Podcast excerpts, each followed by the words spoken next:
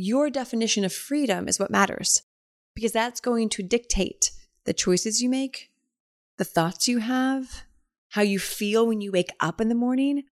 Are you continuously waking up stressed out in old patterns of lack and scarcity, money scarcity, time scarcity, overwhelmed, underwhelmed, uninspired, unsupported? How you feel in the morning creates a ripple effect throughout the day.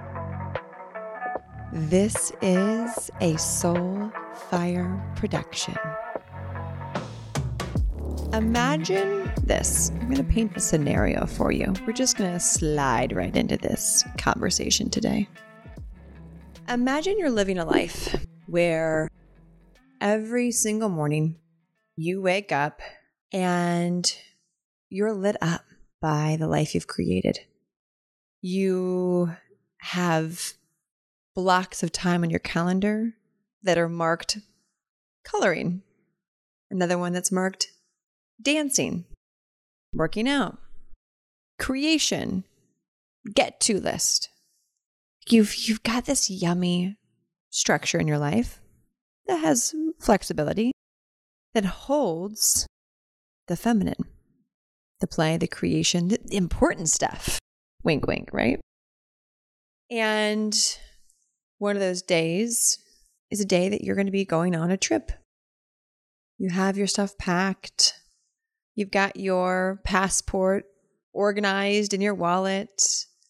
Your flight airline texted you. You've got your boarding ticket already. Everything's good. Like everything's just flowing nicely.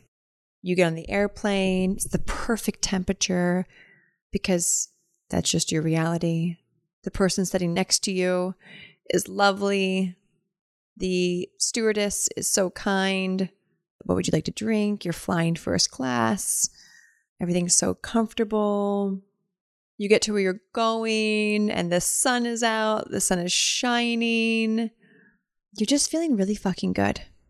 There's no worries about money or time, to do's in your mind. Everything's organized and in a flow that just naturally works with the cycle that is you of a human, the cyclical being that is you. And then maybe a few weeks later, you know you have a program, if you're a coach, a leader that you're launching, and it's feeling really juicy. You're excited about it. You're just like, all right, here we go. Another amazing launch to come where what I'm birthing is going to be so supportive, so aligned. It's going to attract the perfect women for it. You just feel really good. This is freedom. This is what I firmly believe is freedom, where we wake up every single morning with the inhale and exhale in our body, the air in and out of our body, guiding us down our river of life, moving us around a rock, learning from rocks that we might bump into because we fell asleep for a second, where money isn't a fear story, money goes out, maybe sometimes more than money's coming in, but there's no fear of it not coming back in because you just know that you're always in the flow.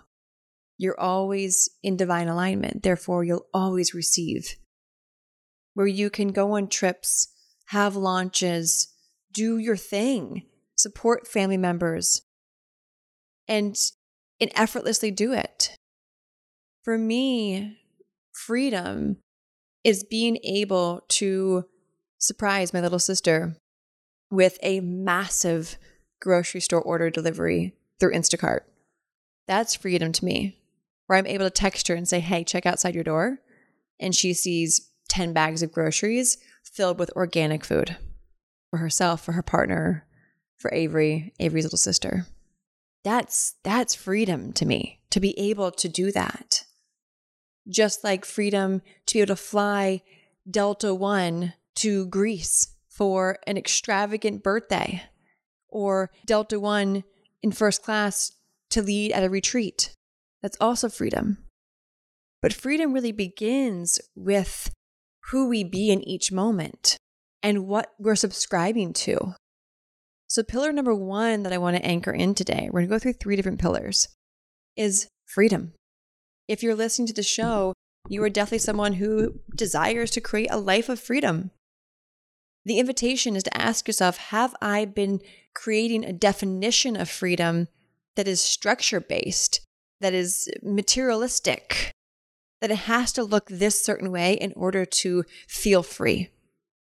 What if you Instacarted your best friend who's going through a really tough time a bouquet of flowers or her favorite cookies and didn't even worry about the price? That's financial freedom. It doesn't have to look like surprising someone with a Lamborghini. Your definition of freedom is what matters because that's going to dictate the choices you make, the thoughts you have, how you feel when you wake up in the morning. Are you continuously waking up stressed out in old patterns of lack and scarcity, money scarcity, time scarcity, overwhelmed, underwhelmed, uninspired, unsupported? How you feel in the morning creates a ripple effect throughout the day. So, a home play for you, something we like to talk about in Untamed, home play, is to really look at how you wake up in the morning and the first feelings you choose to subscribe to. We have a few seconds to pattern interrupt our feelings before they take over. Where can you pattern interrupt any outdated stories, any outdated feelings? Right? In the untamed archetypes, the luxury loving goddess, people look at her and think, oh, she just, that's an archetype that represents money. No, no, no. The luxury loving goddess, she finds luxury in everything from the grass under her feet to the luxury bag. She knows the importance of finding and feeling luxury in every single moment because it keeps her in the frequency of abundance. The dark feminine alchemist, freedom to her is free to express herself, to express her truth, to own all of who she be, fearlessly, unapologetically, to set boundaries, to say fuck yes, to say fuck no. That's freedom to the dark feminine alchemist. Freedom to the womb witch is the freedom on her calendar where it's filled with white space to be able to meditate during her moon cycle week. Where for four days in a row or five days, she has nothing on her calendar because she has dedicated that to journaling, to dancing, to yoga, to lots of baths, to being outside in the sunshine. That's freedom to the womb witch archetype. Being able to work with her cycles to best support her and therefore creating magnetism within herself to live an expansive, abundant life. We've got the medicine mystic, freedom to her is free to create what she's here to create, to teach what she came here to teach, to own her medicine without self judgment or doubt. Freedom to her is space on her calendar to create new programs, new offerings, because she knows that it can only come through her. That's freedom to the medicine mystic, free to teach, to be in her dharma, to be in her purpose, to be the lighthouse for others to see their light within themselves. And we have the ethereal priestess. Freedom to her is playing in nature, drinking tea in the morning light, connecting communing with God, the universe, with Source. Freedom to be able to paint in the middle of the afternoon because she feels inspired by Source to paint. For God to paint through her. That's freedom to the ethereal priestess. What is freedom to you? And you might even find a bit of each of those archetypes' answers to what freedom is within you because they are within you. They are already within you. Archetypes aren't external to us, they are aspects of who we be within us that are just ready to be unlocked. That's it. That's why women who, once they take the untamed archetype quiz, they discover the first archetype that's ready to be activated and embodied. That way, once they unlock that and integrate that archetype, it unlocks the other four. And therefore, they become fully embodied women. accepting, expressing all of who they be. That's the power of understanding what freedom means to you and then utilizing archetypes to unlock more of that so it actually becomes integrated and embodied in who you be. There's no more doubt. There's no more judgment on a consistent basis in your life because each of these help you to alchemize them. The second pillar here is radical responsibility. And these three pillars are under becoming a fully embodied, untamed, fully expressed woman. Radical responsibility. I firmly believe that when we take radical responsibility for every choice we've made, who we be, how we feel, the actions we take, the actions we don't take, the feelings that we hurt, our feelings that get hurt, when we take radical responsibility for the essence that we're bringing the world, we are truly saying, fuck yes, more please to the universe. Therefore, opening our capacity to hold and receive more. So, where in your life are you not taking radical responsibility for your journaling practice that has maybe fallen off the wagon? Where can you take radical responsibility in making sure that you fill your cup up first before your children's, before your partners, before social media, before your clients? Where can you take radical responsibility to make sure you get a bubble bath in because they light you up? Where can you take radical responsibility in your life to make sure that your health, your nutrition, your physical movement becomes a priority? Where can you take responsibility in your life in areas that you want to improve in, that you want to refine in, that you want to expand in, unwild yourself in, untame yourself in?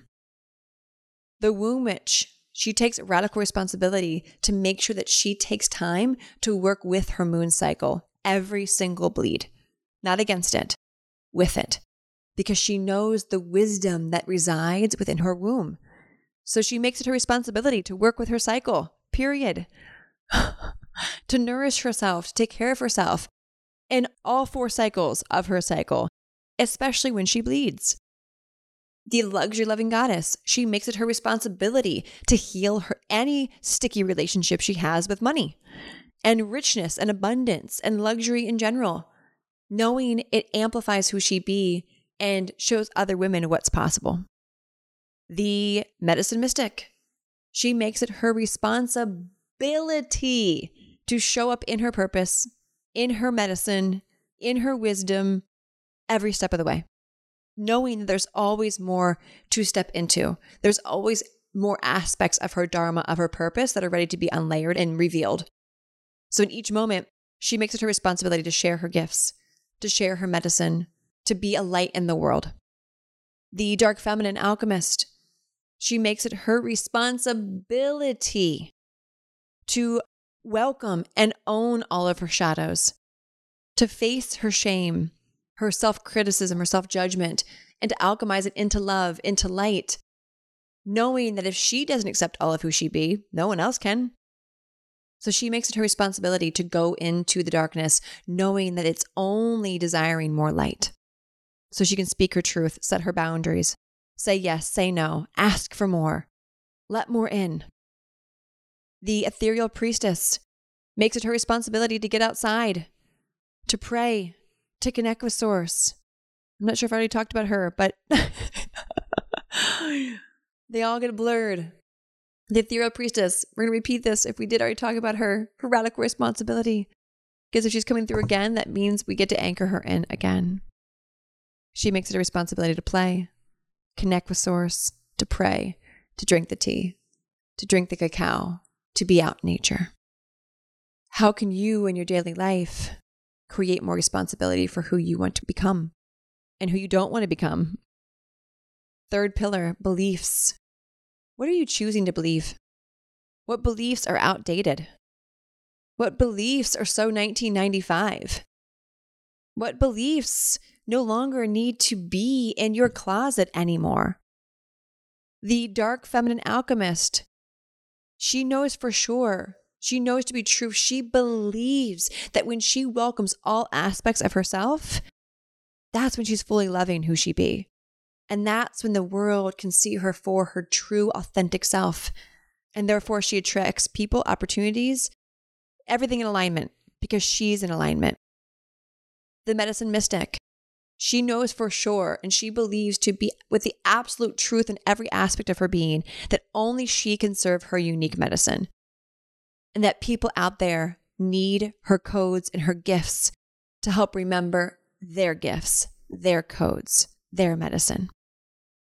The ethereal priestess, she knows for sure, she subscribes the belief and knowingness that when she is a clear vessel through a source, she is able to show up fully, be magnetic, attract abundance. She doesn't compare or Susie's doing and tries to do that to herself or scrolls social media aimlessly. No. She believes that when she is fully connected to source, she will always be guided. The womb witch, she believes and knows to be true that because the moon and the earth, the galaxies are all cyclical, we are cyclical, the earth is cyclical, seasons are cyclical, that she is cyclical, and that when she operates like earth, that she creates abundance just like earth, just like Mother Nature. So, therefore, every belief that she has about abundance, about pleasure, has to match that of Mother Nature, which is abundance, which is pleasure, ever flowing, ever cycling. Then we've got the luxury loving goddess who knows for sure and fully believes that she is here to create massive financial wealth through love, through joy, through luxury, through really savoring the finer things in life, like the beautiful sunset to the first class flight. It's all the same to her. And she knows to be certain, knows to be true, fully believes that when she is leading with love in love and finding abundance at every moment, she attracts abundance. Period. Therefore, her life is a reflection of that. So, with these three pillars of freedom, radical responsibility, and beliefs, how can you clean yours up? How can you refine things a little bit? What needs to be taken out of your wagon? What's being put in your wagon during your summer of your day, during the fall of your day, during the winter of your day? These are all things that when we really learn to master, learn to embody, our life truly becomes effortlessly magical. And Untamed like to say hashtag super casual. Super casual. Because really what we're meaning is like our life is magical as fuck. But it's all like super casual because this is our normal.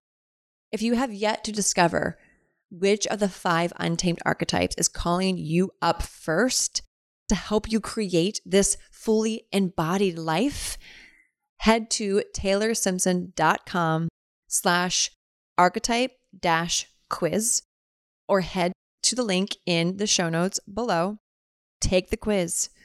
Discover which archetype is ready to be activated first and unlocked so you can then unlock the other four. Therefore, truly amplifying freedom in your life, radical responsibility in your life, and the beliefs in your life in a way that aligns with who you want to become, who you came here to be. This is holistic living. This is working with our seasons, with our cycle, as the cyclical creatures, humans, goddesses, priestesses, alchemists that we are. This is an episode I'd recommend to go back to a few times to take notes, to re listen to as there might be a scenario or a question that I say that might activate you in a new way. This is also an episode that I recommend sharing with your sisters, with your community, because can you imagine if you were the activator for someone in your life that helped them see freedom in a new way, beliefs in a new way? They get to thank you. You're the activator for them. Therefore, this is the power of spreading these kind of empowering conversations with our sisters. Because when we support our sisters during our seasons and vice versa, we all win. When we grab the wheel back from the inner tamed woman and let our untamed woman drive, freedom, radical responsibility, and beliefs are able to be amplified in our lives for and of our highest good. I hope you got lots of notes.